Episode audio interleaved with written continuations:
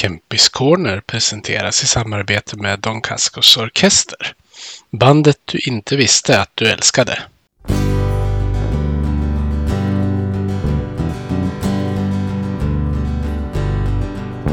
Vi hejar på Modo, rödvit och grön. Klubben i hjärtat, en känsla så skön.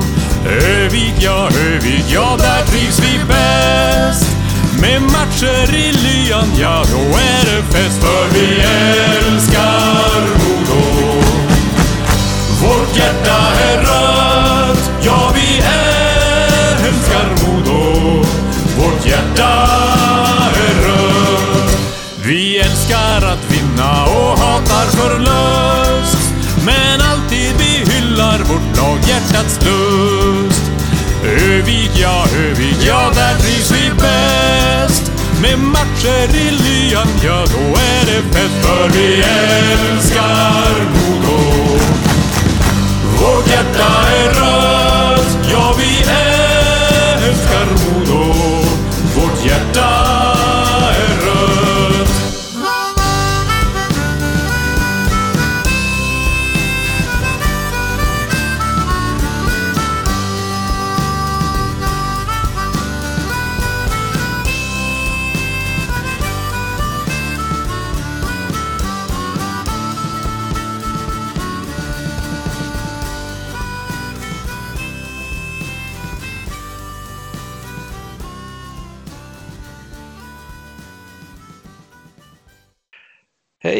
välkomna ska ni vara till Kempis Corner som eh, lagom till den här midsommarveckan ställer upp med en riktig drömgäst i Modos legendariska spelare Niklas Sundström.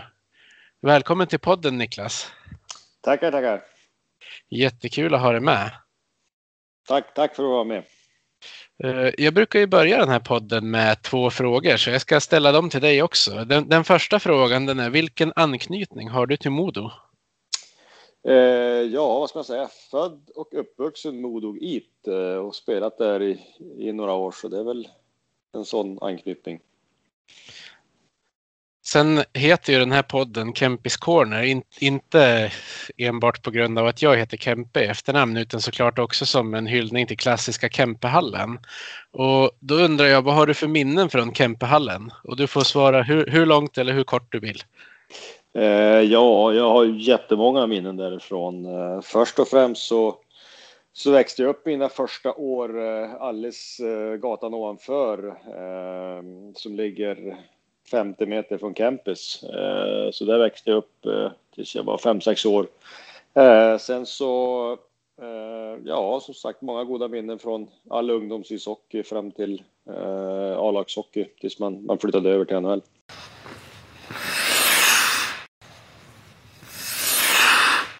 Var tog du dina första skridskoskär någonstans? Var det där i närheten eller var det på någon annan isbana någonstans?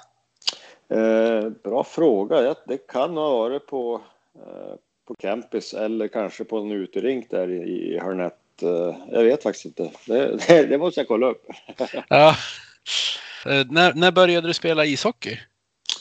Eh, jag var väl cirka, jag ska tippa 6-7 år kanske när jag började. Eh, någonstans började med, med lag med Modo om man säger så, med min årskull. Eh, så det var där resan började. Ja, eh, höll du på med fler idrotter samtidigt? Det var väl fotboll eh, då. Sen så höll, började jag med lite tennis och även eh, minigolf faktiskt lite grann på sidan om. Men eh, fotboll var väl den, den stora andra sporten om man säger så. Vilket lag spelade du med när du lirade fotboll då? Eh, Blåsvarta Domsjö IF. Ja, just det. Eh, var du, du har ju varit en, en stor talang liksom tidigt, men jag tänker, var du bäst i laget i, i ung ålder i din årskull? Eh, ja, man var väl i, i framkant eh, kan, kan man väl säga. Vi hade, vi hade ett ganska bra lag där i Modo, 75 kullen så. Eh, men eh, i framkant låg jag nog kan jag tänka mig. Ja, för du var ju, du var ju landslagsspelare redan vid 16 års ålder. eh, Vet jag. Jag har kollat in Elite Prospects lite grann Ah, okej. också. För ja, ja. sånt, sånt här som man inte kan utan till själv. Ja. Eh, men jag tänkte först be dig om, om du kan sammanfatta din eh, juniorkarriär, om man kan kalla det för det, i Modo. Eh, ja, som sagt, jag fick ju komma upp ett år tidigare tror jag som sista års A-pojke heter det på den tiden. Det är väl U16 nu. Så fick jag komma upp och spela lite grann med, med B-juniorerna tror jag. Sen så eh, mitt första år så kom jag, klev jag in stora delen av säsongen tror jag blev det A-junior som är J20 och sen hade vi några fantastiska årskullar där från ja, 72, 73, 74, 75, 76 eh, var det ju väldigt framgångsrika år för Modo eh, om man får räkna alla SM-slutspel och alla SM-guld och sånt där. Så det var ju en grym tid där man fick eh, många vänner för livet och eh, samtidigt som det, det fostrade fram många framtida elitserie, SHL, NHL-spelare under den tiden. Ja, alla fick väl inte plats i Modo på samma gång heller, men kom dit vid olika årgångar senare. Ja, exakt, men ett tag var det ganska många från, det var väl mest från 73 till 75, då var det många som kom upp där ungefär i samma, 73 var ju först med, med Foppa, Macke och Salle och Werner och Asse och Bergqvist och det var ett, ett jäkla gäng, så det, det var fantastiska år. Ja. Uh, hur var det att representera Sverige i, i olika åldrar då? Om, om vi tänker från ja, men, U16 och uppåt. Du har ju varit med i alla möjliga sorters turneringar väl? Ja, nej, det är ju det är som, som alltid att det har varit en ära att få spela för Sverige och det var ju eh, jäkligt rolig ålder också där. Det hände ju mycket både eh, som människor och, och, och liksom man skaffade, skaffade polare, fick prova på att resa lite grann ut i, i Europa och världen i, i och med de här turneringarna och det växte man ju som, som person. Så det var ju, det var jäkligt kul eh, och, och som, så som jag sa tidigare, det är liksom minnen som sitter kvar än. Ja, och du var ju med med 73orna bland annat. Exakt, i junior-VM som, eh, som gick i Gävle, där hade jag turen att få vara med och fick spela i en en ganska hygglig kedja där, så det var, det var, det var läckert. Ja, om vi tänker på just den turneringen så din poängproduktion där är ju inte fy skam. Du gjorde väl tio mål på sju matcher. Fick du mer ha en roll som avslutare då eller var det som en? Ja, det, det, det, kan, det kan, man säga. Jag, jag, tror jag hade. Jag tror jag gjorde så här 10 mål på 17 skott. Det stod ju ganska ofta liksom öppen framför mål och raka in dem med tom kasse sen, sen Peter och Marcus hade serverat mig och det var många. Vi hade någon powerplay variant där som var ganska lyckad eh, som, som man fick nypa dit några så det var. Ja, det var skoj. Ja, ja men du, du har ju varit mest känd för för playmaking skillsen, men du har ju varit en bra målgörare också som, som har kommit lite grann i skymundan. Ja, det var väl mer kanske i de yngre åren om man säger så. Eh, men med tanke på att du spelade med, med juniorkronorna och så fick du stor uppmärksamhet i skolan för din talang, eller hur har det funkat där? Eh, ja, Storex, nej, det, det, vet jag inte om man fick eh, så speciell uppmärksamhet så, utan det var väl mer att man, man kanske missade, fick vara ledig lite mer på grund av att man åkte iväg på, på landslagsturneringar med, med, med de andra killarna, så det, är väl, det var väl det enda. Sen var ju vi var ju så många samtidigt så det, det, liksom, det var ganska, ganska naturligt här att, att grabbarna var borta runt jul och på, i november och de här turneringarna det var. Så det var, det var inget, inget speciellt med det känns det som. Nej, det kanske, kanske blir liksom vardagsmat att hockeyspelarna är borta i och för sig. Ja, Men... det, det, blir väl lite så när det, när det tränas ganska mycket och mycket. Nu är det väl lite annat kanske på den nutid, nutid om man säger så, men eh, visst eh, försakade vi lite skoltid, men eh, vi fick, vi fick lätt ta med oss läxböckerna på, på resorna istället. Ja. Eh, men jag tänker med, med din hockeytalang och ja, man får väl även, även säga dina, eh, dina snygga looks så kan det väl inte ha varit så svårt för dig att hitta tjejer när du gick i gymnasiet? ja, vad, vad pratade om det. Det var väl Eh, det var väl hockeykunskaperna vi gick efter i sådana fall. Vi, vi, vi, vi hade ett, ett trevligt och roligt gäng där som, eh, som lirade bra hockey. Ja. Eh, du, du debuterade ju i elitserien om Modo vid 17 års ålder om jag inte minns alldeles galet. Eh, hur, hur kändes det att komma upp där då? Det var ju otroligt mäktigt. Eh, det var väl ungefär i samma veva som Kent Forsberg kom in som, som coach. Eh, eh, efter jul där någon gång så fick, jag plocka upp mig. Jag vet inte om det var mycket skador. Så fick jag komma upp och göra några matcher innan den säsongen var slut. Första matchen var Luleå borta, kommer jag ihåg. Jag fick börja på bänken tror jag. Och så jag torskade ganska stort så jag fick jag hoppa in efter, efter ett tag tror jag. Jag vet inte om jag gjorde, jag kan inte ha gjort mål första matchen. Nej. Nej, men det var, ehm, det var ju otroligt mäktigt. Man har ju suttit och kollat mycket på, på campus själv och kollat på A-laget genom alla år, så det var ju en, en dröm som gick i uppfyllelse. Ja, kändes det lite grann då som att Foppa och Werner och grabbarna hade krattat manegen lite grann för att låta dig komma upp i den åldern?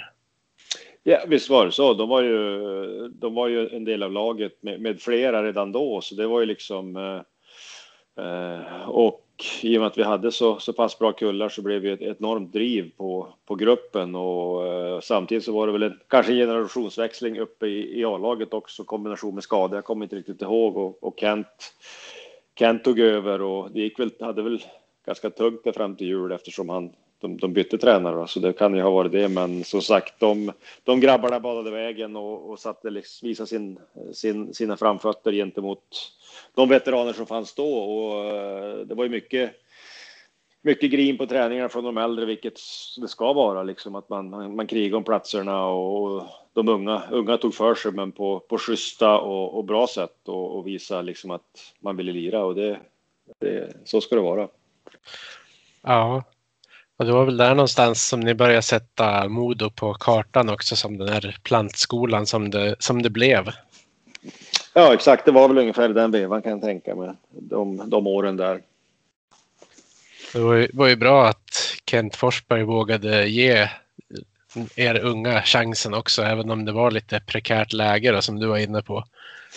Ja, visst är det det. Han har ju en stor del i, i liksom den den framgången och, och, och vågade lyfta fram och vågade satsa på, på de yngre killarna. Absolut. Hade du lärt känna Foppa bra vid det laget? Jag tänker om du märkte om, om det var någon fördel eller nackdel för han att ha farsan som tränare då? Uh, ja, det, det var ingen fördel utan det, det var så pass uh, proff, proffsigt på det sättet, på, på det planet. Utan det, det, han var väl som en av de andra spelarna, men sen var han så pass bra uh, som han var och blev. Så det, det kanske var, det är väl svårt att, om, om man har en, en, en dominerande pojk så där. Varför ska man sätta hans sidan när han är så pass bra? Utan det var absolut inget problem, utan det var ingenting som vi tänkte på. Så det, vi, vi bara körde på. Ja, jag tänker på för dig som väl nästan har haft samma starka sidor eller de bästa sidor som, som Foppa har haft. Tror du att du hade fått en ännu större roll om, om du nu inte hade varit en Övikspojke? Eh, nej, det, det, tror jag inte, utan eh, jag, jag såg det som, det var ju en, en, en en förebild för mig som jag försökt anamma mycket efter. Så det, är ju, eh, det, det har bara varit bra så, så sett. Ja. Eh, hade ni 75orna samma tävling på träningarna som det är allmänt känt att 73orna hade i sin årskull? Absolut, vi hade många, många bra lirare och många med bra tjurighet och, och uh, hårdhudade skallar. Så det var, Eh, på hockeygymnasiet framförallt, det var det många, många morgnar där det var en två, tre stycken som grinade efter träningar för man förlorade eller man hade småbråk eller eh, man pratade inte med varandra på, på ett tag. Så det, det, hör, det hör till, eller hörde till och det, och det var en stor del av framgången tror jag. Samtidigt som, som Melinder var, Anders Melinder som, som höll i hockeyn på den tiden, han eh, var väldigt driven och, och intresserad av individuell utveckling och, och satte ihop de här man hade som ett litet series, seriespel varje höst och vinter, eller höst och vår.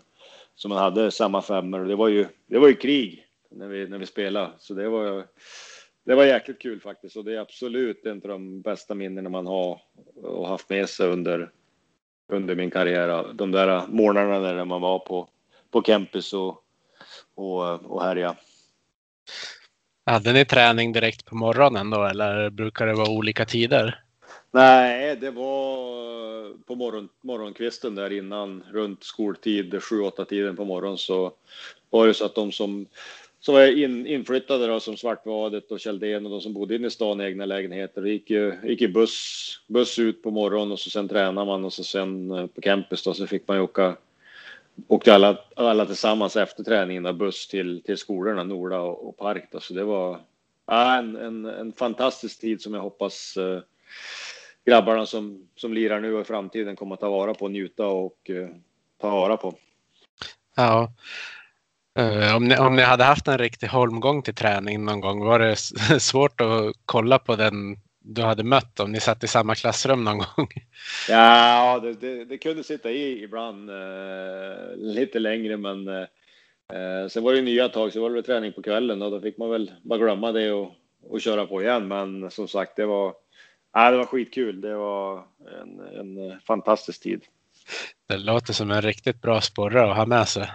Ja, absolut. Uh, hur, hur, upplevde du mentaliteten i klubben på, på den tiden? Uh, vad ska man säga? Det var, det var en, en, bra mentalitet och när det är svårt att jämföra liksom dåtid med andra klubbar. Men som sagt, vi kan ju, jag kan ju bara prata för, från våra perspektiv när vi, när, vi, när vi yngre kom upp Eh, eh, Eh, eh, så var det ju, eh, vi, vi, tog för oss ganska bra. Vi var liksom, som jag sa tidigare, vi var liksom schyssta och liksom ärliga och inte ett dugg kaxiga. Var det någon som, som gjorde någonting så var det många av de här äldre killarna, Ecke Holmberg och Ödda och Hans Lodin och de som, som kunde slasha en och ta ner en på jorden om man liksom gjorde lite för mycket. Men samtidigt så, så stod vi upp för oss och för oss själva också och liksom eh, inte, inte backade om det var schyssta tag eller vad det än var. Så det, det tror jag det formade och skapade oss och, och den framgången som blev för, för Modo fram, framöver. Ja, du fick ju i en, en, relativt ung ålder måste man ändå säga en roll som assisterande kapten det sista året du lirade med Modo innan du åkte över. Ja just det, det, det, det, var, det var Borken va, som eh, gjorde mig till assisterande där som eh, det var ju en, en stor ära den, den åldern att få, få, få, få ta den, den rollen. Eh, så absolut. Tror du att han ville ha någon hemvävd assisterande eller har du fått någon aning om Nej. varför det blev det? Nej, faktiskt inte. Det kan vara så. Var det, var, var det Tommy Lehmann som var kapten? Va? Bysse, va? Bysse kanske var. Det stämmer nog det. Tommy Lehmann var innan då. Ja. Eh, nej, jag vet inte. Det var, det var Borken hade väl någon, någon idé och det och det var, det var jäkligt kul. Ja. Eh, men du draftades i första rundan 1993 som val 8 av New York Rangers. Eh, hade du väntat dig det då? Nej, inte. Det, det är skitsvårt att veta sånt, vart man hamnar eller hur man hamnar. Eller, utan eh, på den tiden så var, fick man... Eh, jag var, vi var där på draften, jag gick i Quebec, så jag visste ju att eh, jag var ju ganska låg väl ganska långt fram i de, de, den kullen då inför draften, så jag var där eh, med familjen faktiskt och, och, agent och så och gjorde, fick gå runt och träffa lite var, lag eh, dagarna innan själva draften och så. Någonting hade man på känna att man skulle gå ganska tidigt, men sen när det väl, när det väl hände hade man ingen aning. Nej, man vet väl inte vilket nummer man kommer hamna på, även om man har koll på att man kan gå i första rundan kan jag tänka. exakt. Eh, men du följde draften på plats där. Kände du att det var mycket förväntningar eh, på, på, när man är på ett sånt ställe? Jag kan tänka mig att det blir en del testosteron bland annat. Ja, inte, ja, inte, inte direkt då. Jag tror man var liksom, man fattade nog inte så mycket utan man satt där och väntade tills att de skulle ropa upp ens namn och så fick man gå upp och allting gick så fort också. Så fick man åka runt, ta på sig kepsen och gå runt med tröjan och, och träffa liksom management eh, från Rangers då. Så det var ju, det var ju otroligt mäktigt, men eh, som sagt just då så ja, hängde, hängde, man inte med så mycket utan det var ju bara, bara en, en, en, en, eh, rolig upplevelse och erfarenhet. Ja. Eh, sen Du, du spelade ju hemma i Sverige eh, ja, men, precis det året som första lockouten där var. Eh, du åkte över säsongen efter den första lockouten. Tror du att den påverkade dina förutsättningar på något vis? Eh, nej, alltså vad tänkte du om den säsongen eller lockouten? Eller? Jag, jag tänkte om lockouten påverkade ja, när du skulle åka över allt sånt här. Eh, nej, det tror jag inte, utan det var mer. Jag, jag, jag, det kändes som att jag var redo då, så det var liksom inget, inget speciellt med det som gjorde att jag, jag valde att åka just då, om man säger så. Nej. Eh, då hade väl både Foppa och Näslund varit över och spelat lite grann. Eh, eh. Försökte du få några erfarenheter från dem? ja, det kanske var så att man ställde, ställde lite frågor. Jag kommer inte ihåg på, på sommaren när de var hemma och sen på den tiden kunde man ju inte se så mycket NHL på tv heller, utan det var väl ja, jag vet inte som de visade highlights. Det var text-tvn som gällde. ja, jag minns, för jag gick i, eh, i mellanstadiet. Då jag är född 83 själv. Och okay, det, var ju, det fanns ju folk som, i våran klass som satt och skrev eh, ja, men handskrev brev till SVT för att få dem att visa highlights på sporten bland annat. Jajamän, ja. Det var väldigt dåligt utbud på den tiden. Ja, lite, lite annat mot för nu. Ja, för då var det ju, eftersom det blev en del Ångermanlandskillar som åkte över och sånt där, då ville man ju gärna hänga med i vad som hände. Ja, exakt. Eh, men jag måste fråga, du, du du kom ju till New York. Trivdes du bra i, i New York? Det måste ju vara en otrolig kontrast mot lilla Örnsköldsvik. Ja, det, det, så var det ju. Eh, och jag trivdes jättebra på en gång. Det var så här också att året innan, efter säsongen, eh, året innan jag åkte så fick jag åka över i april där. Åkte jag över och träffade laget och tränade med laget i en vecka och hängde med på, jag kommer ihåg, jag fick följa med till Boston borta match och fick träna där, var med på matchvärvning liksom efteråt och, och så jag fick åka över och känna på lite grann och såg hur det funkar och, och det tror jag var eh, nyttig grej att få se liksom hur, hur grabbarna var, hur de, hur de tränade lite så här så. Eh, och sen fick man skriva på kontraktet eh, eh då, jag har faktiskt en, en, rolig grej. Jag vet inte mycket hur, om just kontraktskrivningen. Mm. När jag skrev på kontraktet till, till Rangers. Uh, alltså det var, det var, det var stort att komma till New York som, som stad och som Rangers som organisation. Ja. Uh, sen var det ju, det var ju stjärna efter stjärna där på, på den tiden. Ja, det var ju eh, som sagt många, många legendarer, många gamla, framförallt gamla från Edmonton-eran med, med Messier och Tikkanen, Curry, Gretzky, eh, Graves. Det var ju liksom bara, eh, ja, om man säger, då det är bara att titta på Hall of Fame eller topplistorna genom, genom tiderna, poängligor eller matchligor så har man fått faktiskt haft äran att få spela med många, vilket är jävligt coolt i efterhand. Ja, eh, vilka fick du spela med i, i först, första året där? Eh, första året fick jag spela ganska mycket, eller vi tradade till oss Jerry Curry faktiskt, så vi var en, eh, en kedja med han och så, eh, jag kommer inte ihåg vem tredje länken var. Det var första året, sen från andra året och framåt så var det ju Gretzky som jag hade i stort sett hela tiden som, eh, som center och på vingen var ju Robert stor del. Luke Robitaille var i många år, eller ett par år där och sen Kovalev var ju också där. Så det var ju, det var ju halvhyfsade spelare som man fick, fick, eh, fick skata ut på isen med.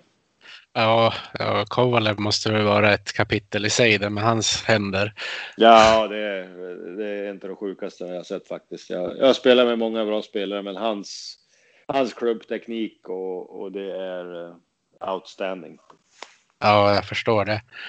Eh, men du, kom du till eh, New York som en offensiv spelare? Eh, ja, alltså jag hade väl... Eh, alltså, det var väl en stor del av kanske jag draftad också. Jag var väl en, en, en producerande i juniorålder och juniorlandslag och, och lite grann kanske i Modi när jag åkte och var väl en, en eh, ja, vad ska man säga nu, en, en tvåvägsspelare men som, som kunde producera.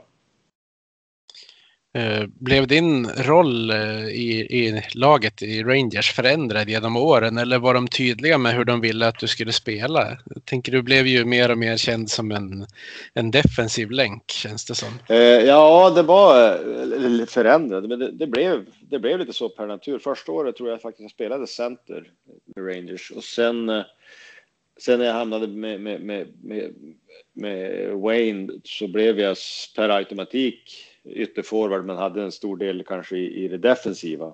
Alltså fick backa upp honom lite grann för han, han eh, gjorde ju så mycket framåt. Eh, och sen flöt det på. Sen även i, i San Jose körde jag vinge, Montreal. Sen var jag liksom ytterforward där borta. Utan, utan kanske några enstaka matcher men eh, eh så jag blev som, som forward. Ja. Eh, vad, vad, kände du att du utvecklade mest under dina tidiga år i, i NHL?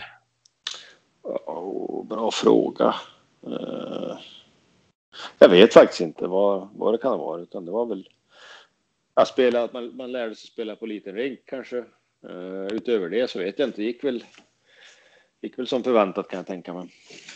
Ja, uh, hur, hur lång tid tog det att anpassa sig till den amerikanska livsstilen då? För ni var väl mest i, i USA på den tiden kan jag tänka mig. Ja, exakt. Äh, vad ska man säga, det gick, det gick ganska fort och ganska bra. Man, man var, när man var i den där åldern, 20, 21, 22, 23, man, och spelade 82 matcher och man liksom... Eh, det, det, var inte som att då hade, tyckte man inte var så mycket tid över utan det var hockey som käkade man sen hem och sen var det liksom... Det flöt på så pass snabbt också, man hann liksom inte reflektera. Eh, om man ska titta tillbaks nu och säga jag gjorde tio säsonger så känns det kanske som jag gjorde sju, alltså ur, ur helhets... Alltså allting gick, har gått så fort tycker jag, så här i efterhand. Men eh, eh, ja. Ja, och du klarade dig ju ganska bra ifrån skador också när du var där borta. Ja, peppar peppar så gick det, det, gick, det gick bra. Jag bröt, eh, fick armen avslagen där i ett slutspel med Rangers mitt tredje år. Eh, Sen så var det väl inget, inget större att jag missade mycket matcher på grund av skada. Jag fick en liten hjärnskakning ett år i Montreal. Eh, men annars så, så var jag ganska förskonad från det faktiskt. Ja. Och så bröt du av eh, NHL-säsongerna med lite landslagsspel här och där. Ja, det blev väl eh, exakt. det blev två OS där va. Nagano och Salt Lake. Det stämmer bra det. Ja, och just när ni spelade OS där 98, det var väl första året NHL tog paus för eh, OS-turneringen har jag för mig. Ja, var det Nagano va? Ja, precis. Ja, det stämmer nog. Det kan nog vara det. Eh, ja, 94, var... 94 var ju exakt, det var ju när de vann i Lillehammer. Ja, exakt. Och så 98 minns jag ju att Hasek bland annat var ju bidragande till att det var väl tjeckerna som vann det året har jag för mig. Var det de eller var det USA? Nej, det kanske var Tjeckien. Jag har för mig det. Men jag, jag, kan, min, jag kan, kan vara. Du vet nog mer än mig. Ja, det kan jag, vara så. Jag kan minnas fel också, men han var med i alla fall, det vet jag. Ja. Eh, men hur var upplevelsen att delta i ett OS? Eh, ja, det, det, var, det var jäkligt kul faktiskt. Det var som du säger, det var mitt under säsongen och man fick åka iväg och, och träffa sina landspolare och, och, och, spela mot, mot de bästa spelarna i världen som det var då på OS. Så det var ju det var jäkligt coolt. Så var man ju fortfarande ganska ung då också, så det var ju... Nej, det var mäktig, mäktiga upplevelser. Ja, och sen senare det året så fick du vara med om att vinna VM-guld också. Kan du inte beskriva den turneringen lite grann? Och så, så hur du upplevde hur ni firade sen? Uh, ja, den turneringen var ju... Jag kommer ihåg vi samlades innan i Stockholm. Uh, så var det några förmatcher, men jag tror inte vi fick spela dem eller vi kom för sent. Så vi, inte, så vi var där på lite träningsläger innan några dagar. Sen åkte vi till Zürich jag vet inte, kommer inte ihåg. Jo, vi bodde i Zürich och vi hade, vi hade ett bra lag och fick väl in några spelare. Jag vet inte om Foppa kom in under turneringen och, och några fler. Om Sudden kanske var klar redan. Och vi var, ja, vi hade, hade ett bra gäng där och det var, Eh, jäkligt tajt. Det kommer finalerna där. Då spelade man ju två finaler och första vann väl med 1-0 och så 0-0 andra, vilket det var väl kanske inte de mest roliga matcherna att se på. Så det var ju.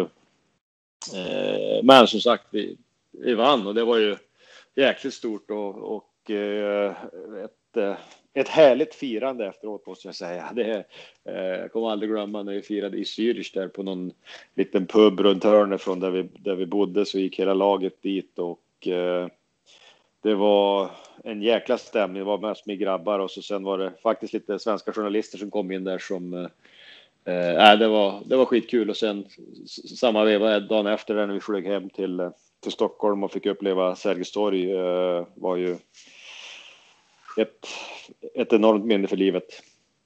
Ja, och sen var det väl kanske extra kul att ni fick slå just finnarna i finalen också. Ja, det brukar ju vara lite, lite rivalitet mot dem, så det var ju, det var ju de slog väl ut oss i OS där också innan va, i, i Nagano, om jag inte minns fel. Ja, just det. Så lite revansch. Ni, nu, precis, ni fick lite revansch då. Mm. Uh, sen säsongen efter, då fick du, som det visade sig vara, din, spela din sista VM-turnering. Mm.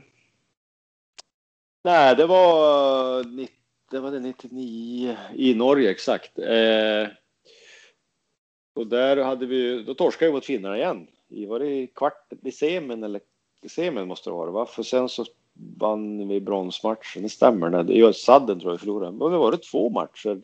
Bästa två matcher då? Nej. Ah, skitsamma.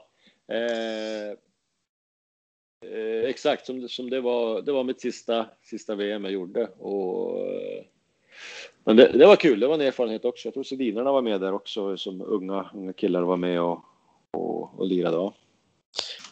Jo, de var med då. Visst var de det? Va? Ja, stämmer mm. mm.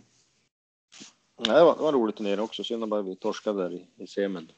Ja.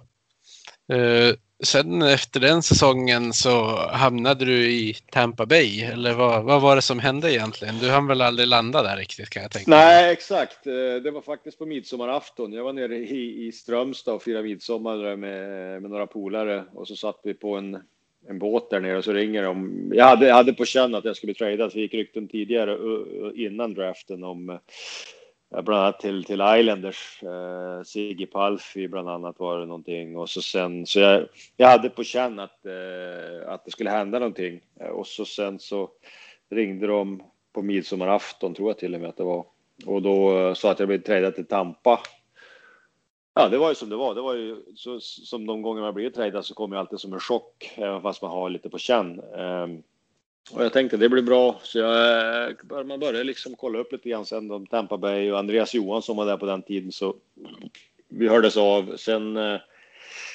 gick det väl bara en, en uh, jag vet också att Sharks var intresserade eh, när Eh, att om jag skulle blivit tradad till Islanders så skulle det vara en tre, tredelspart tror jag. Att de skulle skicka mig direkt till, till Sharks eller något sånt där. För de hade visat intresse redan när jag spelade Rangers. Men eh, som sagt, så gick det väl bara ett par veckor där eh, eh, så blev jag flyttad igen till, till San Jose utan att ens... Eh, jag hade pratat med en manager på telefon och lite sånt där, men in, inget mer. Så det var...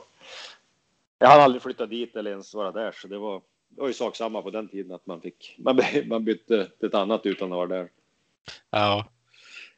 Det hade kanske varit värre om du hade hunnit spela en tio matcher eller någonting och hunnit, ja, det vill, hunnit rota det, lite. Ja, det är lite, lite bökigare då, men, men det är en del av, del av sporten och lika för alla, för de flesta i alla fall. Så det. Men som sagt, ja, han har aldrig varit i Tampa. Nej, du har spelat mot dem desto fler gånger. Ja, ja exakt. Uh, hur var dina år i, i Sharks då? Uh, bra. Det var eh, en, uh, vad ska man säga, till, flyttat till Kalifornien. Hockey var, den var populär, men de, de var inte så hockeykunniga där då. Det var en ganska ny sport eh, i, i de områdena. Eh, vi hade bra publik. Vi hade ett bra lag också faktiskt. Vi eh, var med eh, några år där och, och liksom krigade i kvartsfinaler och så här, men eh, eh, fick fick en, en typ samma roll där med lite en tredje kedja mestadels, andra tredje kedja som, som ytterforward, men, men kunde ändå producera och, och vara med så, så jag, jag trivdes skitbra. Ja, och så, som du säger så var det väl ett, ett San Jose som var i ganska uppgång där. Ja, vi hade, vi hade, hade bra, bra lag där och liksom bra kemi och, och liksom bra gäng med lite, lite blandning av yngre och äldre grabbar där som uh, funkade bra ihop. Så det var, det var jäkligt kul. Ja, och det är väl roligare på ett sätt att spela slutspel varje år än att vara tillgänglig för varje VM-turnering. men jag kan tänka mig att lite, man kan vara lite ambivalent om man ska sitta och välja så här i efterhand vad som hade varit roligast. Ja, exakt. Men man, man vill väl alltid vinna också om man har chansen. Visst är det så. Det är det man spelar för. Ja. Eh, sen var du ju med i OS-turneringen 2002. Eh, alla vet väl hur den slutade egentligen, men kan du inte beskriva lite grann eh, hur, hur den var som spelare? Eh, nej, den var jättebra. Vi eh, var ju grymma i gruppspel och vi spöade Kanada där och vi eh, hade riktigt, var riktigt på gång. Och så sen så blev det som det blev tyvärr, men och då var ju liksom jäkla nederlag, vilket med all rätt att vi förlorade mot Belarus och sen så här i efterhand så och, och eh, all, all skit som Tommy Salo har fått tag i är, är någonting som inte ska få hända. Men, men som sagt, man vinner och förlorar som ett lag och det var, eh, det var en tung, tung, tung förlust och eh, det gick på ett sätt så blev det lite, det var ju värre för de som åkte hem till Sverige som ledare och vi hade ju några killar som tror jag, som eh, spelade i SHL då också, som fick åka hem och, och, och ta, ta skammen höll jag på att säga. För säsongen började rulla på ganska snabbt där direkt efter OS, men det var, det var, det var tunga dagar. Men som sagt, eh, det, det, det, det, det händer.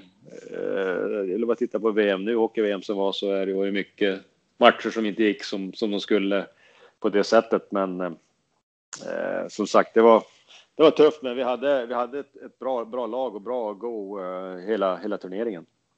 Ja, det var väl kanske det som gjorde att den där förlusten kom som en chock också runt Hockeysverige. För det känns som att det, det blev som en riktig käftsmäll över hela Hockeysverige på något sätt.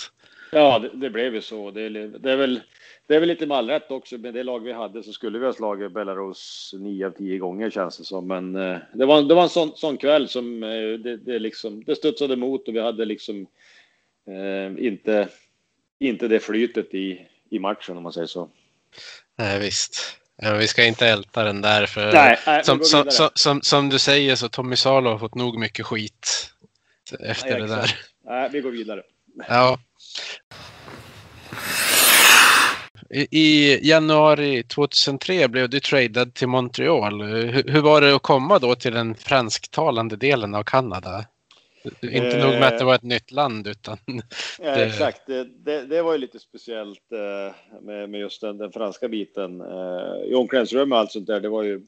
De flesta var ju liksom, pratade i båda, båda språken och, men som sagt eh, på ett sätt så tycker jag att det var positivt eller på ett bra sätt att man inte kunde franska för den franska medien kändes eh, hårdare än den, den, amerikanska förstod man ju allting men jag, jag, tror den franska delen där var ganska ganska tuff på, på de franska killarna framför allt som, som förstod. Man vet ju att de var många som hade det lite jobbigt på, på det sättet. Eh, men som Montreal som stad och organisation och det är världsklass måste jag säga. En av de bästa städerna i världen vill jag, vill jag påpeka och, och organisationen är ju är ju femstjärnor rakt igenom. Allt från, från resor till eh, träningsanläggningar och, och, och, allt sånt är liksom ja, världsklass.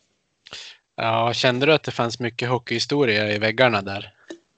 Ja, absolut. Och det är ju liksom skillnad att spela i, i, i Kanada generellt mot för de här nya städerna som ploppar upp. Liksom, det var ju 90-talet var det ju Kalifornien och alla de här Atlanta och Tampa och Florida. Det tar ju tid innan man bygger upp liksom en kunskap om sporten och liksom är färdig. Sen att det, det är livat på läktarna, att det är riktiga, att det finns fans. Det är ju liksom, det är fantastiskt att det går att ha en produkt under många år när det inte liksom kunskapen riktigt finns i, i, i, i liksom hockeykunnandet. Men i, i kanadensiska städerna är ju liksom mycket, mycket mer kunnig publik eh, journalister och allt, allt runt omkring är ju betydligt, betydligt mer kunnande och det, det kan ju också vara eh, eller det kan vara en nackdel också. Man ser väl, jag vet inte, eh, när var det något lag från Kanada som vann sist? Var det, där kan jag nu kanske ut och cykla, men eh, ja, Montreal vann 94 va? Då... Ja, jag tänkte säga Calgary Edmonton, vet du, 94, så det är ju liksom 93 kan det ha varit förresten. 94 vann väl Rangers kommer jag på. Ja exakt, ja. Ja men du ser, vi säger om det inte är någon annan. 93 sist, vad är det? Det är ju 27 år sedan. Ja. Och ändå, det är ju liksom hockeyns eh, världens bästa hockeyland om man frågar dem. Och, och det är ju liksom en enorm press och det är väl är förmodligen inte för inte att eh, de inte vinner för det pressen är på killarna och, och liksom eh, på ett sätt. Ja, precis. För eh, ja, det, det, var väl Ottawa var i final där men torskade mot Dax på 2007. Ja. Det är väl... Vancouver har ju varit i final, ja. var väl final och eh, Edmonton, Calgary. Calgary var i final va? Eller? Kiprosov stod, gick inte de. Men det var Tampa som vann mot Calgary. Så kan det ha varit. Jag kommer inte ihåg all, alla finaler men... Ja. Nej men du ser så det, det, det är som i Montreal och Toronto, Toronto, Montreal och liksom Vancouver. Alla de här, det är liksom en enorm press utifrån på, eh, på, på killarna. Så det är ju, ja, jag skulle säga att det kan vara en stor del att liksom inte, det aldrig lyckas. Nej, precis. Och sen kan aldrig, jag tänka... ska, aldrig ska jag inte säga, men på, på, lång, på lång sikt. Ja, jag kan tänka mig att när man kommer till ett sånt lag som man, man ser så många pensionerade nummer och sånt här också att det, det, ja, det kan lägga på lite extra press kanske. Ja, och det, det är ju lite så också. Är man, spelar man bra i, i de här städerna, då är man ju då är man ju världsmästare, då är man ju en rockstjärna. Men sen åt andra sidan, framförallt spelar du dåligt och du tjänar, har bra betalt, då, jag kommer ihåg att en kille i, i Montreal när jag spelade, Patrice Brisbois, som var med och vann i Montreal 93-94 där. Och han, eh, en back som, ja, en legendar i Montreal, han, det år jag var där, de åren så var han, han tjänade väl ganska bra för, eh, på den tiden och han spelade väl inte utöver hans kapacitet utöver vad han tjänade tyckte folk så det slutade med att att de for hem, det var några som for hem, körde förbi huset han och skickade en stor sten genom rutorna så han fick ju, han tog faktiskt en timeout från hockeyn för att och liksom äh, återhämta sig och liksom äh, kunna kunna liksom varva ner och fundera på vad, vad, han höll på med. Så det är ju, det är ju liksom, men, men spelar man bra å andra sidan så är man ju, då är man ju liksom king shit. Så det är ju både och. Ja jäklar.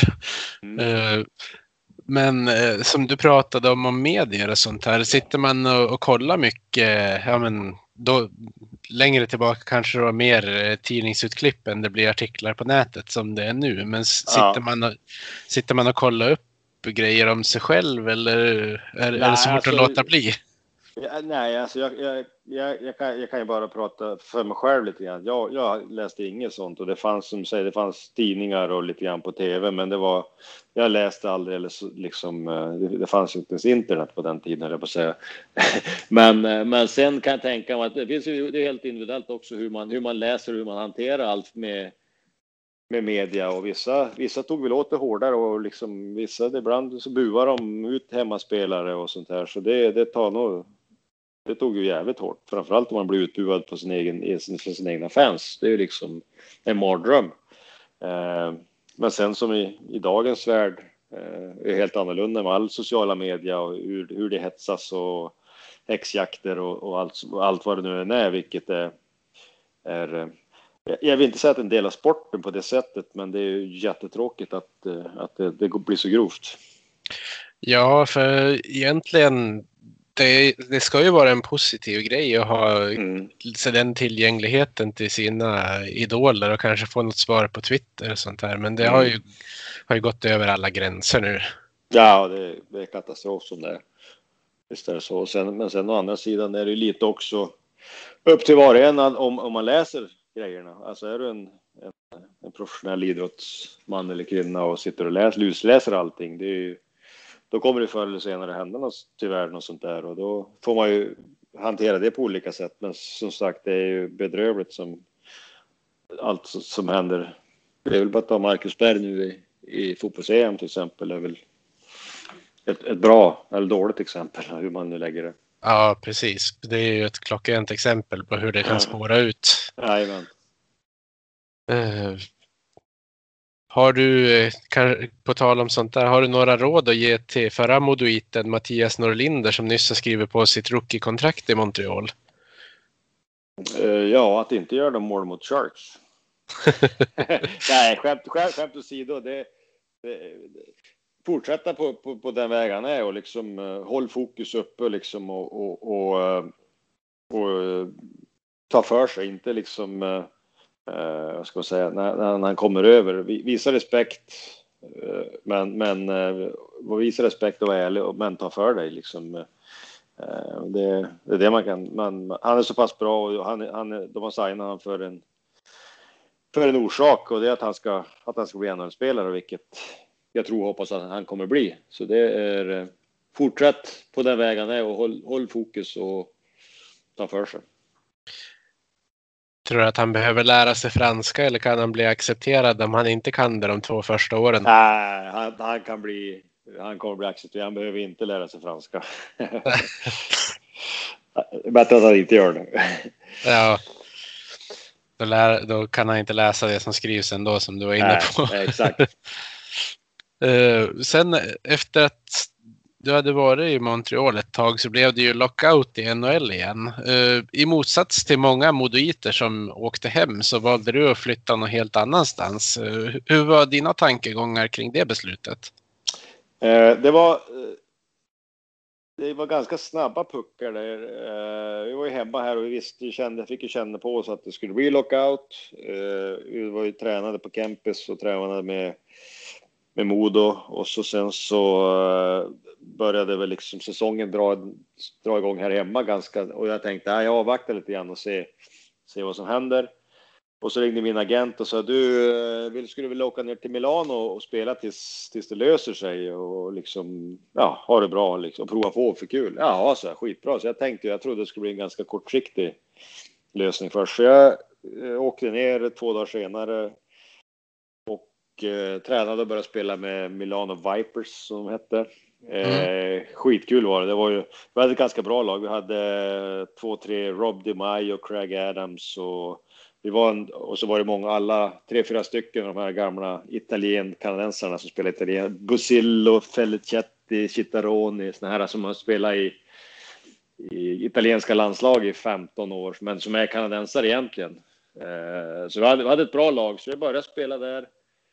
Eh, så gick det längre och längre, trivdes skitbra. Gick, jag bodde 15 minuters gångväg från San Siro, gick och kollade på alla Inter och Bilans hemmamatcher.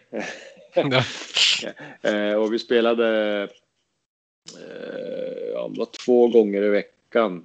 Och vi var väl nästan det enda laget i den liga, italienska ligan, så vi tränade på dagtid. Vi hade ett ganska professionell liksom, organisation och det var liksom Eh, så det, det, var en upplevelse samtidigt som Modo började få, de fyllde på sitt lag, det kom fler och fler spelare och jag kände att ah, jag har det bra här nere. Så det var, och sen gick, blev det så att säsongen blev inställd och då körde vi på. Vi var med i eh, Europacupen, eller typ som Champions League i och med att de hade vunnit året innan. Så vi mötte ju liksom Dynamo, CSKA Moskva eller något sånt där. De hade ju Datsuk tror jag och Afegdienov och sådär i, i, i slutspelet. Så det var ju, det var det var en upplevelse som jag absolut inte ångrar att jag åkte.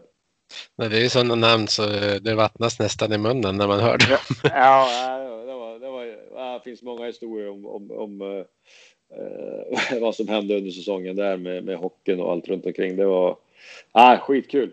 Och så ja, lyckades, vi, lyck, lyckades vi vinna, vinna finalen också mot Cortina som de hette och Micke P spelade ju där bland annat. Så det var, det var hårda bataljer, men äh, skitkul. Ja, Uh, så här, i efterhand, på samma gång som du fick positiva minnen där, hade det varit kul att ta en säsong i, i Modo med dina gamla kompisar där också? Ja, självklart. Det, det var... men det hände, allting hände ganska fort och jag kände, jag tänkte jag tar det här och så sen flöt det bara på och de, eh, ja, de hade så pass bra. Jag vet inte om jag skulle fått någon speltid om jag kom hem heller. Det var väl det var så, de hade så bra line-up så det var. ja. Ändå vann de inte utan det, det gjorde Nej, Sam, Samuel Paulsson i Frölunda. Nej, exakt den jäkeln. Ja. Eh, men du, du gjorde ju bara en säsong till i, i NHL efter lockouten. Vad, vad var det som gjorde då att du tog steget och flyttade hem igen?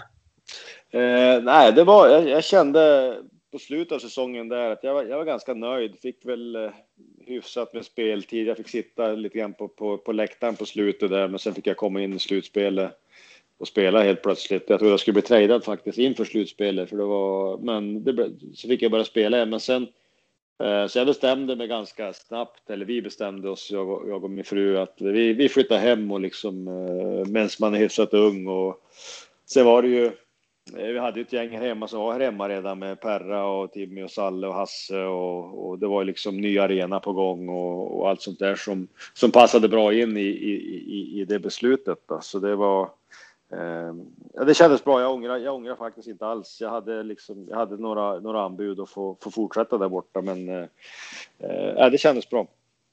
Ja, och, och, din första säsong tillbaka på hemmaplan måste ändå beskrivas som en succé. Eh, du bildade bland annat ett giftigt radarpar med ett nyförvärv och det, det, vi ska komma till den alldeles strax. Så jag nämner mm. inte namnet här, men du vet vem jag menar. Ja, jag tror jag vet. No. Ja, och så slutade det med, med SM-guld också. Hade du kunnat drömma om ett sånt scenario när du bestämde dig för att flytta hem? Eh, dröm? Jag hade, jag hade väl hopp, förhoppningar och såg det lite framför mig i och med att det var ju ett, eh, ett, ett slagstarkt lag. Eh, men att, eh, att det kanske skulle bli första året och just med ny arena och allt folk och ja, det gick ju inte att få en bättre start om man säger så. Nej. Du hade ju ett, ett fint samarbete med Per-Åge Skröder. Strömmar kommer lägga till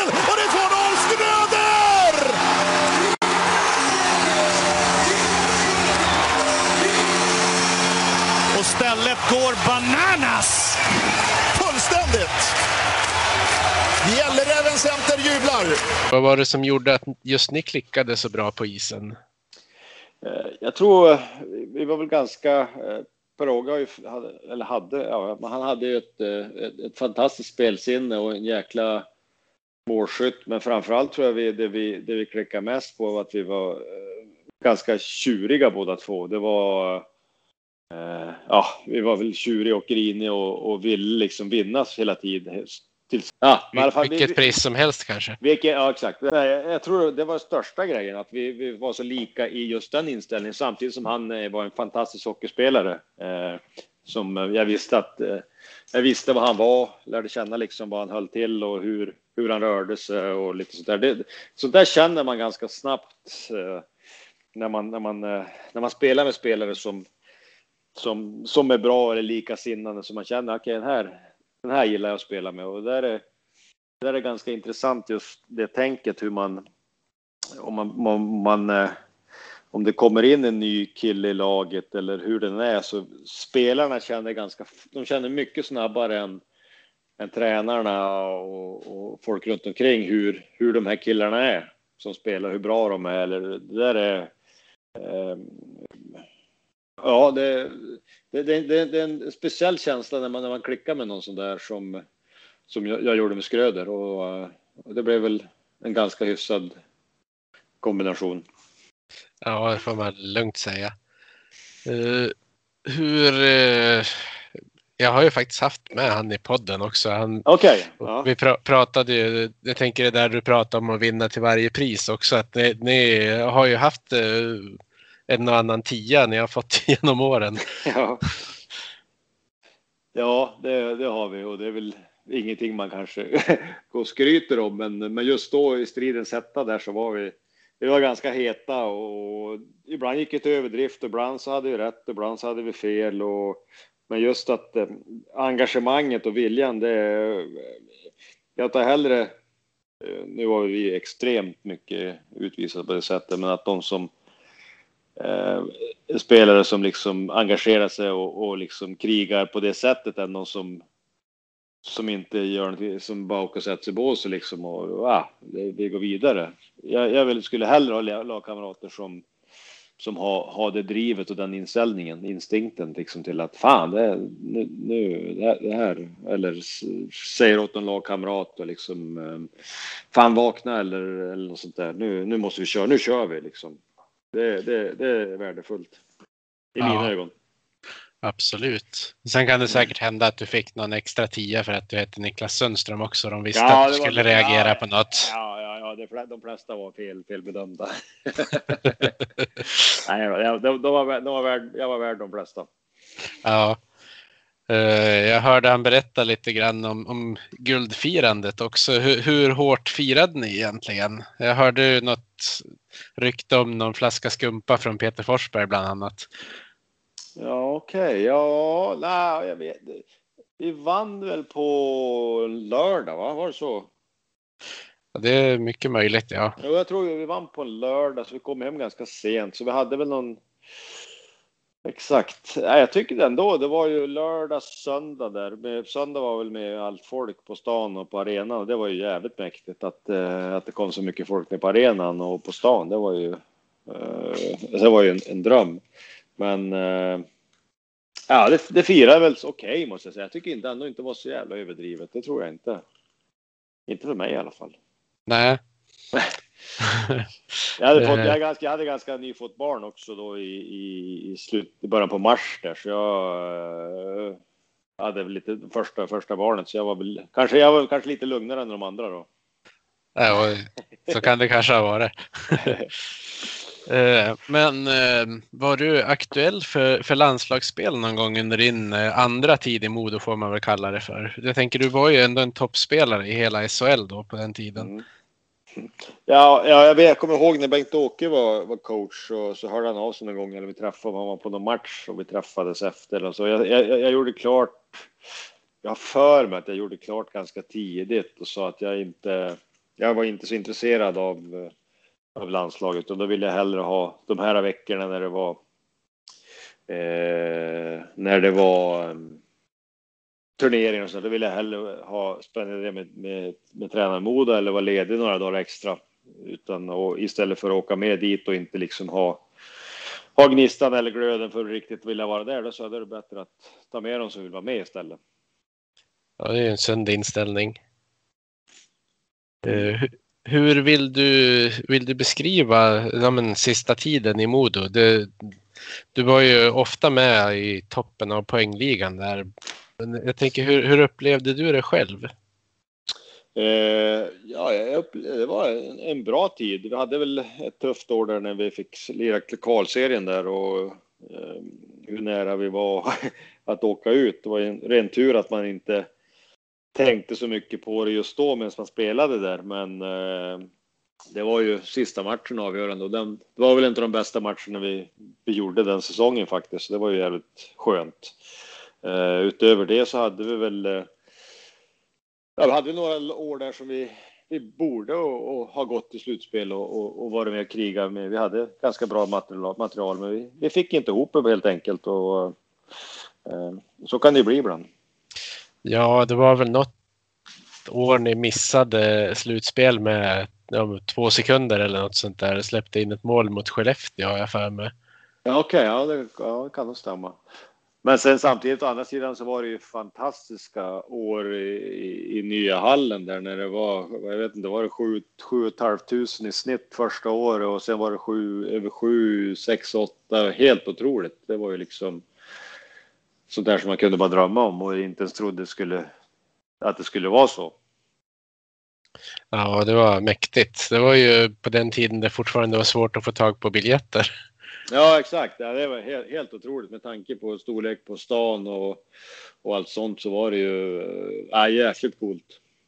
Ja, Uh, sen var det ju med en speciell kväll när JVM-line-upen i matchen mot Rögle. Den matchen var jag faktiskt på plats själv. Hur, hur minns du den kvällen? Ja, det, det var coolt. Jag kommer ihåg vi tränade innan. Jag var ju skadad och Foppa pappa var skadad, för han hade väl spelat en match innan va?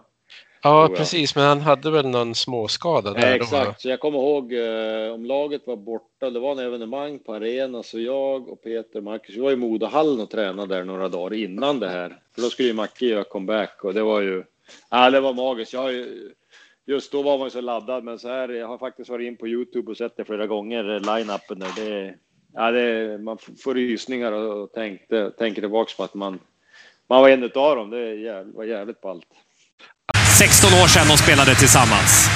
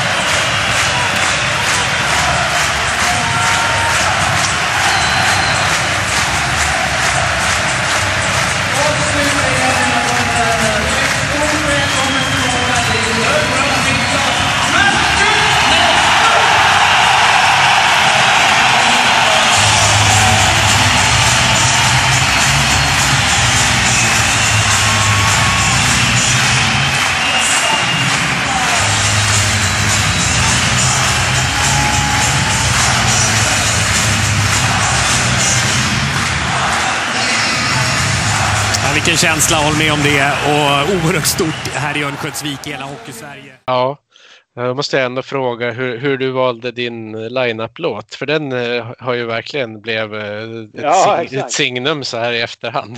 Ja, nej, jag, jag, jag, jag vet inte om det var så att de fick välja när, när de... eh, Och jag vet inte om jag, för jag är ju stor fan av Eminem och så sa jag väl bara något, och så sen, jag vet inte vem som var som kom på just den.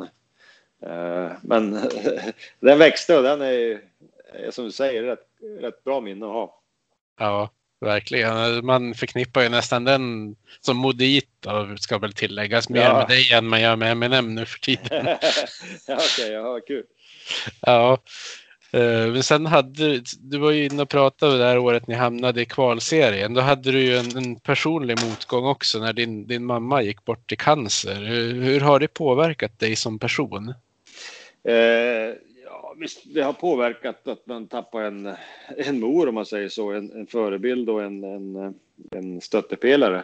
Och just då, den tiden var, var ganska tung. Hon hade, varit, hon hade varit sjuk ganska länge, men sen gick det ganska fort på slutet. Och, eh, så jag fick, fick faktiskt vara med på, på hela resan eh, på slutet, så jag missade några matcher där. Det gick eh, som, som sagt ganska fort, så jag flög hem från Jönköping, bortamatcher med ett sånt här äh, fraktflygplan. Eh, laget skulle vidare på, på några fler matcher, men då var, då var hon så pass dålig så jag fick, fick åka hem några dagar tidigare och fick faktiskt vara med när hon, när hon somnade in, vilket var, var jättefint. Och hon var ju en, eh, en stor, stor fan av, av hockey och intresserad och hon var även med i den så kallade Modos damsektion under alla år så länge hon levde. De som håller på liksom och lagade masker och förr i tiden så var det de som skötte fikat och korven och grejer inne på, på campus eh, eh i, i bakkulisserna där uppe vid, vid kansliet och åt sponsorer och domare och allt sånt där. Så hon, hon var väldigt aktiv i Modo så det är absolut en, en, en stor förlust. Eh, och nu är det ju eh, ett tag sedan så eh, eh men visst absolut, det, det satte sina spår. Sen fick jag hade jag lite, lite några dagar efter det där som, eh, som jag missade från hockey. Men sen kom jag tillbaks och och det var, det var en, som en, en tillflyktsplats att kunna få gå ner och träffa grabbarna, träna och spela. Att man, man, man kopplar bort tankarna lite grann. Men absolut, det var en, det var en tung period. Jag förstår det, för ni var väl ganska nära varandra också har jag förstått det. Absolut, absolut. Så det visst, det, det kändes och en, en stor saknad. Ja. Jag kan tänka mig, även fast det har gått tio år så det går ju inte att ersätta en person på det sättet överhuvudtaget. Nej, visst är det så. Det var ju bra att du fick vara med där på slutet i alla fall. Det, det måste kännas ja. viktigt så här i efterhand. Ja, exakt. Det hade varit ett, ett riktigt tungt år om man, om man hade åkt ut också. Då hade man inte velat visa sig på stan höll jag på att säga. Men eh, nej, det var, det, var, det, var, det var skönt att få komma iväg och koppla bort eh, tankarna just på slutet av säsongen där med, eh, med hockey på det sättet. Ja, och sen gick, gick det ju bra i Södertälje-matchen där på slutet ändå. Ja, exakt. Det var det som jag sa. Det var nog bästa matchen vi gjorde på hela året och det var, det var inget snack om att vi skulle vinna den och det var en eh, nästan lika skön känsla som det var SM-guld när vi höll oss kvar måste jag säga. Det var eh, en, en, en grym stämning i, på, i Fjällräven Center och just efter matchen på beslutet. Ja. Eh, det, det, blev ju en del rubriker senare. När du, jag tänker då du hade lämnat Modo och tänkt spela i KHL var det väl. Men då du fick åka hem på grund av att det upptäcktes en cysta i njuren var det väl under en läkarundersökning. Vad, vad var det som hände? Uh, jo, så jag skulle, jag åkte dit på en, en uh, inte en tryout, men de, de ville se mig först lite grann några dagar. Så jag åkte dit, uh, började träna med lagen, så gör de ju som, som de gör här hemma tror jag också. Man gör ju en, en medicinsk undersökning inför, inför man skriver på kontrakt och kan börja spela. Så då fick jag, det var i Minsk, så då åkte jag runt eh, efter, på min första dag jag var där så fick jag fara runt och ta massa prover och de kollade och röntgade och ultraljud. Och då såg de, hittade de en cysta på, på en njure som, eh, som jag har och då, eh, och genast då så förknippade jag med, för, så min mors eh, cancer började i njuren. Så då fick jag ju bara, då rasade världen samman. Så då, men då, då, var de faktiskt fantastiska där i, i, i Minsk. De, jag fick att träffa två, tre specialister just inom de grejerna, göra alla tester och sen då sa de att det, det här är, det ska vara godartade och inte, inget problem så. Men då kände jag att sitta här i ovissheten då sa jag så jag, jag tackar allra ödmjukast, men jag, jag, jag, känner att jag vill åka hem och kolla det här, här på hemmaplan så vi, vi, vi stryker det här utan nu, nu, jag vill bara komma hem och få, få kolla upp det här. Så, och de, de var schyssta och det var ju liksom, ja, så jag var där i fyra dagar tror jag, sen åkte jag hem och kollade upp och sen så, och då, då kände jag också att äh, jag, jag lägger ner karriären, jag, jag är nöjd och, och, och eh, sen dess har jag faktiskt inte, inte ångrat mitt, mitt beslut. Vilket är, är jävligt skönt. Det kan jag tänka mig. Uh, den här systern, är det någonting du har märkt av senare? Eller? Nej, peppar peppar, har, jag har kollat upp den och den ska inte ha vara, vara ska inte vara något problem och förhoppningsvis så ska, ska det vara bra. Ja, vi håller tummarna på det. Yes. Jag tänkte ju fråga om du kunde känna att du hade haft något år kvar att ge på isen, men då, det har du ju redan svarat på att du inte har ångrat beslutet, så vi skippar nej, den exakt, frågan. Nej, nej, ja, exakt. Nej, det, det, jag, jag, varit, jag är nöjd med, med, min karriär och jag fick sluta på, på, det, på liksom mina villkor på det sättet, om man får säga det så. Vilket eh, man vet ju inom, inom hockeyn eller all professionell idrott så är det ju många som har haft eh, fått det tufft efter karriären när de har fått sluta på grund av ja, skador eller eh, inte fått jobb och de har velat fortsätta. Att de, eh, de liksom eh, får tuffa, tuffa år framför sig. Och, och så för mig har det, ja, det, det har varit, det har funkat jättebra. Ja. 2014 var det väl, hoppade du på ett uppdrag som scout åt San Jose Sharks. Hur, hur har det varit? Det har varit jätteskoj och intressant det, det är kul att, att få följa, som jag brukar säga, det är kul att följa, följa killarnas resor, vart, vart de, vart, vad som händer och så får man titta tillbaks på vad man trodde och tänkte om killarna för när de var i 17, 18, 19, 20 års åldern, vad man själv trodde vart de skulle hamna. Så är det, det, är, det är jättesvårt och det är liksom eh, folk som sitter och, börjar sålla ungdomar, killar och tjejer i olika idrotter eller vad det är för, på grund av talang när de är 12, 13, 14, 15. Det är, ah, jag tycker det är galenskap. Det, alla har sina olika eh, utvecklingskurvor och, och när man mognar och eh, men som sagt, det är eh, intressant och, och, och eh, få, få, få kolla, jobba på, på den andra sidan av hockeyn om man säger så. Ja, uh, när man kollar på din Elitprospect-sida så står du ju också uppskriven som uh, development coach för AHL-laget. Eh, vad innebär den tjänsten för någonting? Det är mer, mer att jag fungerar som, som ett bollplank åt de, de killar som vi, vi vi har i Europa om man säger så.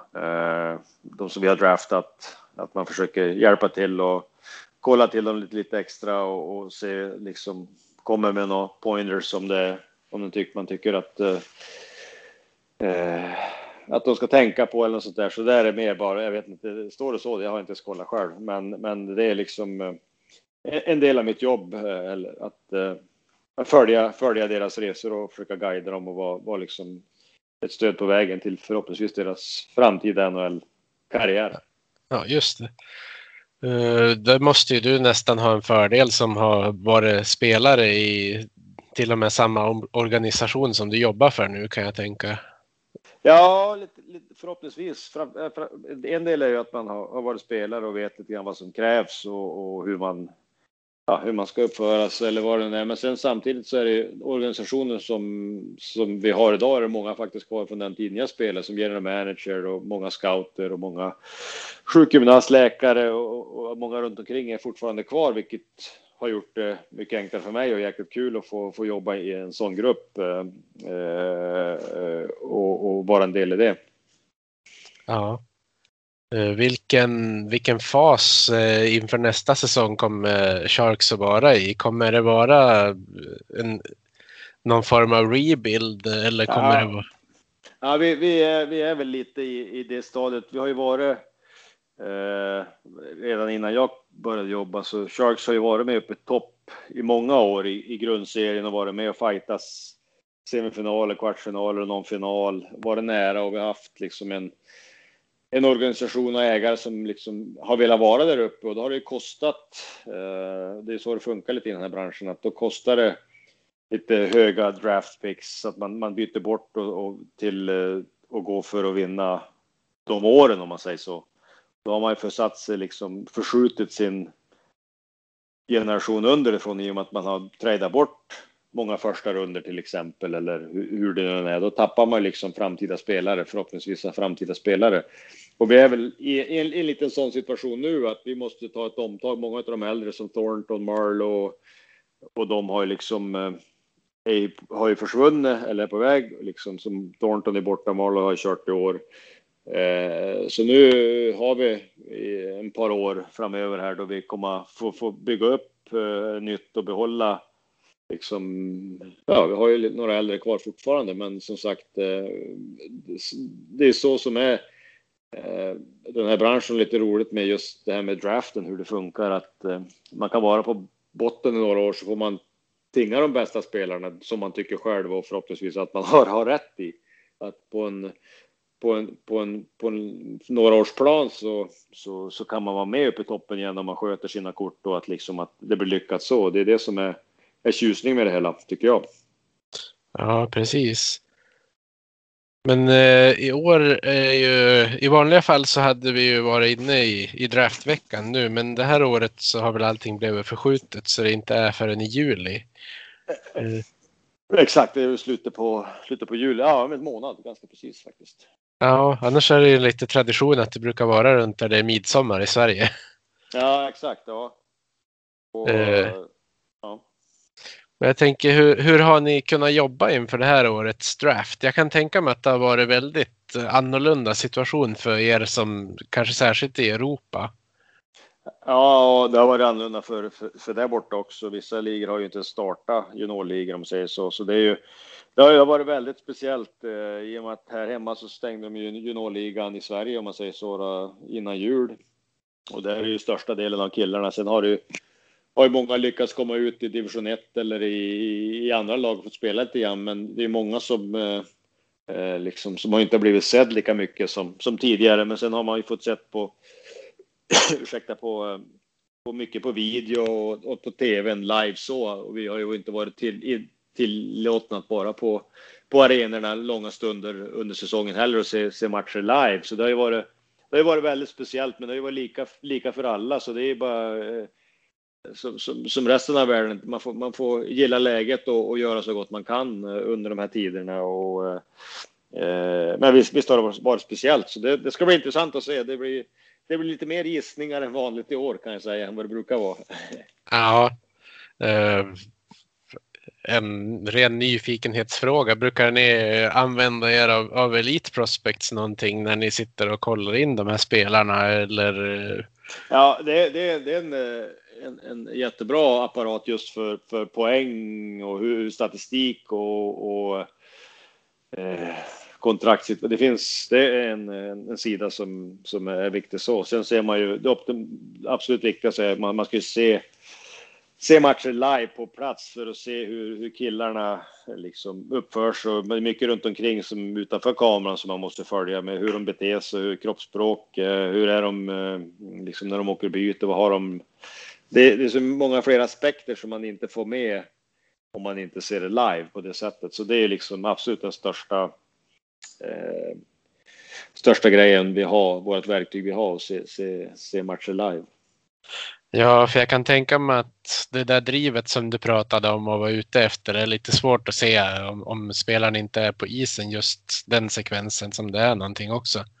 Ja, ja men det, man kan missa många aspekter i, i, i killarnas helhet om man säger så. Och även känslan. Den helt, nu är det ju ännu mer, nu har inte varit så, så enorm känsla att suttit på tomma, kolla med tomma läktare heller, men när det blir liksom i stridens hetta och liksom man ser hur de uppför sig och beter sig eller eh, kropp, som jag sa, kroppsspråk eller vad. Det, nej, live är absolut eh, den bästa, det bästa verktyget. Jajamän. Uh, hur, hur noga följer du Modo idag? Uh, ja, jag följer dem, uh, jag vill inte säga slaviskt, men jag ser så mycket matcher jag kan. Nu är man ju själv ute, nu i år har man väl, annars är man ju ofta själv och ser matcher samtidigt som Modo spelar. Om det inte är här på hemmaplan, om man säger så, så är man kanske någon annanstans. Men absolut kollar jag hur, hur, hur det går för Modo och är är eh, jätteintresserad, absolut. Uh, hur, det här kanske är en, en svår fråga, men hur tycker du klubben bör jobba för att vända den dystra trenden som på något sätt började nästan efter SM-guldet? Uh, nej, men det, det, har ju varit väldigt många tuffa år och uh, nu känns det som just nu i år inför året, då har man ju fått, fått hem tränare som, som man har velat ha i många år vad jag förstår och sen en general manager som också har liksom, men det eh, och det är, det är lite grann här också är det en enorm press utifrån och det ska hända grejer och man ska, jag tycker man måste ha på ett något sätt ha tå, mer tå, man ska tålamod och låta liksom eh, det finns, visst finns det vissa quick fix och grejer men eh, det, det har varit för mycket omsättning på allt från personal till spelare på, under de, de, de sista åren och det funkar inte i långa loppet. Det är bara att titta på de, de framgångsrika föreningar som har varit de sista 5-10 åren som Skellefteå, Växjö till exempel, Frölunda.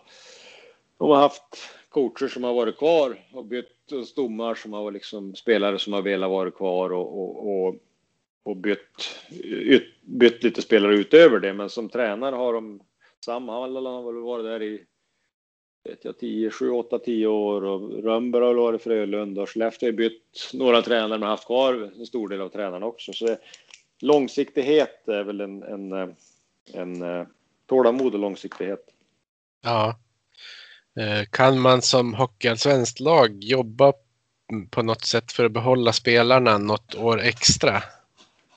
Eh, det, det, det är det som är faran nu när man är där man är också att eh, eh, har man bra säsonger så, så, eh, så blir man ett attraktiv för, för högre, högre ligor. Och att man kan plocka spelare som har skrivit kontrakt redan i allsvenskan är också en debatt. Men om man glömmer den så. Det, det, och någonting som eh, som man måste säga som eh, är intressant. Det måste man, det tycker jag, det som Timrå gjorde i fjol till exempel eh, det är att, att man, man får en kärna som bestämmer sig.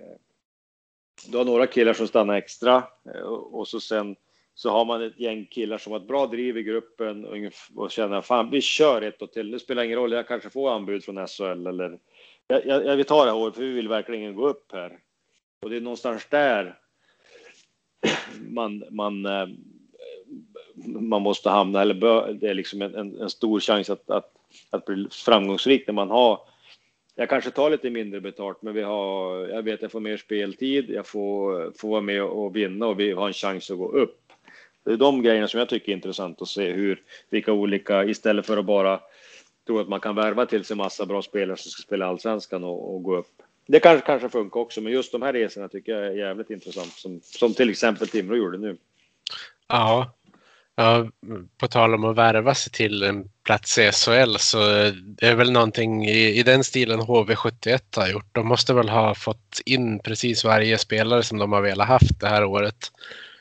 Jaha, det, ja, ja, det ska bli spännande att se. Det, eh, nu kan, jag har inte sett exakt deras trupp hur det ser ut för tillfället, men vad jag förstår så har de eh, har de satsat och de har ju, de har väl muskler och grejer, men det är, eh, sen är det inte så lätt heller om man är en etablerad SHL-spelare som är kanske inte riktigt är så het på marknaden att gå ner och spela i allsvenskan och, och, och tro att man ska, att det ska vara lätt. Det, det kan jag säga på en gång att det är inte, utan det har man sett allt för många gånger. Det är svårare att spela allsvenskan än SHL, tycker jag.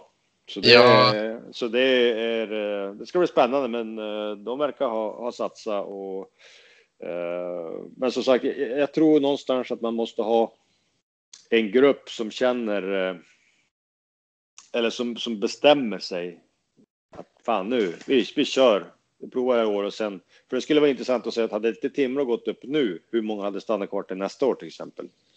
Ja, precis. Utav, det... utav det här gänget. Då hade, de, då hade det blivit som det blev för Modo för två år sedan, när, eller inför året, när, när det försvann många. Då hade de varit attraktiva på SHL och Eh, nej, men det, det, finns många vägar att försöka och, och, och bli framgångsrika.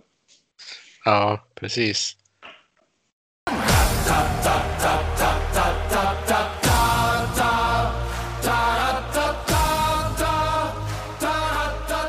Supporterfrågan.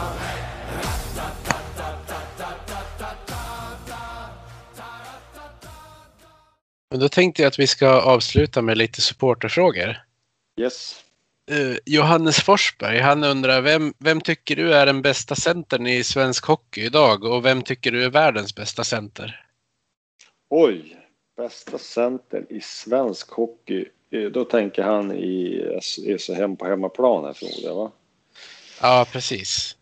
Eh, en som jag, som jag tycker kanske inte mest eh, produktiva men en nyttiga centern skulle jag fortfarande säga Joel Lundqvist för ett lag. Ja, de vet ju vad de får med han. Mm.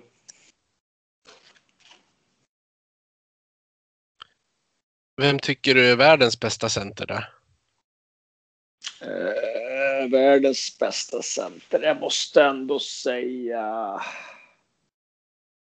Ja, jag gillar ju, jag är svag för Matthews. Eller, ja, Crosby måste jag ändå säga. Sen undrar han vilka spelare var svårast eller jobbigast att möta i SHL och NHL? Jag skulle säga små snabba.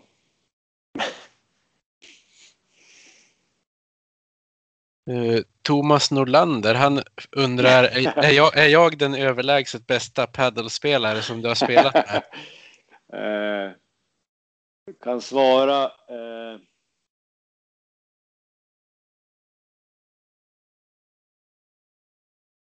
ska jag säga? Bland de bättre. Ja. Svara. Bland de ja, bättre, ja. Thomas. uh, Adam Westlin, han undrar vem är den, den bästa och sämsta tränaren du har haft under din seniorkarriär i Modo? Sen lägger han till att Skröder svarade Harald och Uffe Samuelsson som bästa och Larry Huras som sämsta. Eh, ja, jag, jag måste säga. Ja, om man tar ett återkom, Harald och Uffe, de håller jag med om. Sen sämsta vet jag inte. Jag hade ju aldrig Huras, men eh, jag får ta han ändå. Ja. Eh, per Lundberg, han frågar vilka håller du på i NHL och varför tror du att Montreal vinner Stanley Cup? Eh, jag håller på Sharks, men jag tror Tampa vinner Stanley Cup tyvärr. Just det. Eh, Robin Bergström undrar, hur var det att lira med Gretzky? Det var coolt. som sagt, man tänkte inte på det just mycket då, men så här i efterhand var det ju jävligt grymt att ha gjort och han var en, en en eh, professionell människa och atlet. Just det, ja. Eh, Ronny Söderström undrar hur många röster motsvarade Sjölunds vrål från The Reds? Flera tusen. Buller Sjölund, ja. Eh, Martin Eklöv undrar om du kan berätta varför det blev hockey när du var lika talangfull på elbas? Jag hade så dåliga, dåliga eh, lirare med mig i, i gruppen eh, som jag skulle spela i musiken med. Och framförallt trummisen var ju helt tondöv, talanglös. det är kanske en sån här dold talang som du har? Ja, absolut inte. Eh, Peder Unander, han tillsammans med en annan kille som heter eh, Jesper af Wander. De har varit lite grann inne på hur du ser på Modos förfall som har varit sen, ja men egentligen sedan 2009 men även sedan du slutade. Uh, ja, jättetråkigt uh, och förhoppningsvis så är vi på rätt väg nu. Uh, att nu vänder det, men ha, att man ska ha tålamod och vara positiva. Det, det stora grejer, men jag, jag, det, det, är en bra känsla nu. Så nu, nu vänder det. Jajamän. Uh, Roland Hübinette sa att han, han såg att du var ute och sprang igår. Han tyckte att det såg ganska lätt ut. Då måste han ha sett fel. Jag var inte ute och sprang. Det var säkert Jocke Bäckström han såg. Då. Han trodde att det var jag. ja, just det. Uh, sen Thomas Hellgren avslutar med att fråga, visst är Niklas Sundströms hockeyskola bra? Bästa som finns. Men då, då får jag tacka dig så mycket för att du ställde upp. Ja, det var så lite så. Trevligt, trevligt. Jättekul att ha dig med. Så får jag tacka alla som har lyssnat och önska en, en glad midsommar. Detsamma. Vi hejar på en känsla så skön. Övik, ja, Övik, ja, där trivs vi bäst. Med matcher i lyan, ja, då är det fest. För vi älskar